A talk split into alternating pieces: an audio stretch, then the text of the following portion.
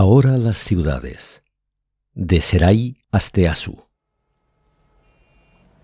A simple vista no notaríais la diferencia respecto a lo que vosotros conocisteis.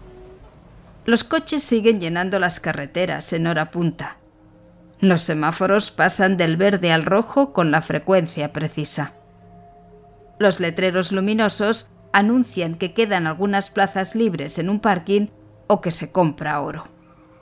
Las puertas automáticas de los supermercados se abren sin que pase nadie, como guiños cínicos. Las chimeneas humean en invierno y los aspersores riegan los jardines en verano. En los edificios se encienden las luces de los apartamentos cuando cae la noche. Los salones se mantienen iluminados mientras el televisor muestra una vieja película y cambia de canal durante la publicidad. Los despertadores suenan y la actividad se reanuda al amanecer, como antes, porque a las ciudades les gusta que se siga escribiendo sobre ellas. Coquetas evitan abandonarse y por eso no notaríais la diferencia.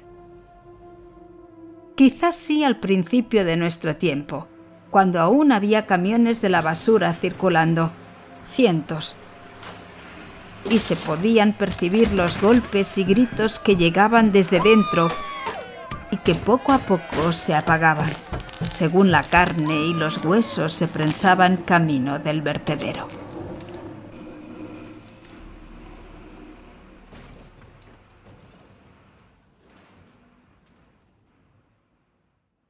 Relato ganador del concurso de microrelatos de la microbiblioteca Esteve Palutzí de Barberà del Vallès de noviembre de 2021. Grabación en veu.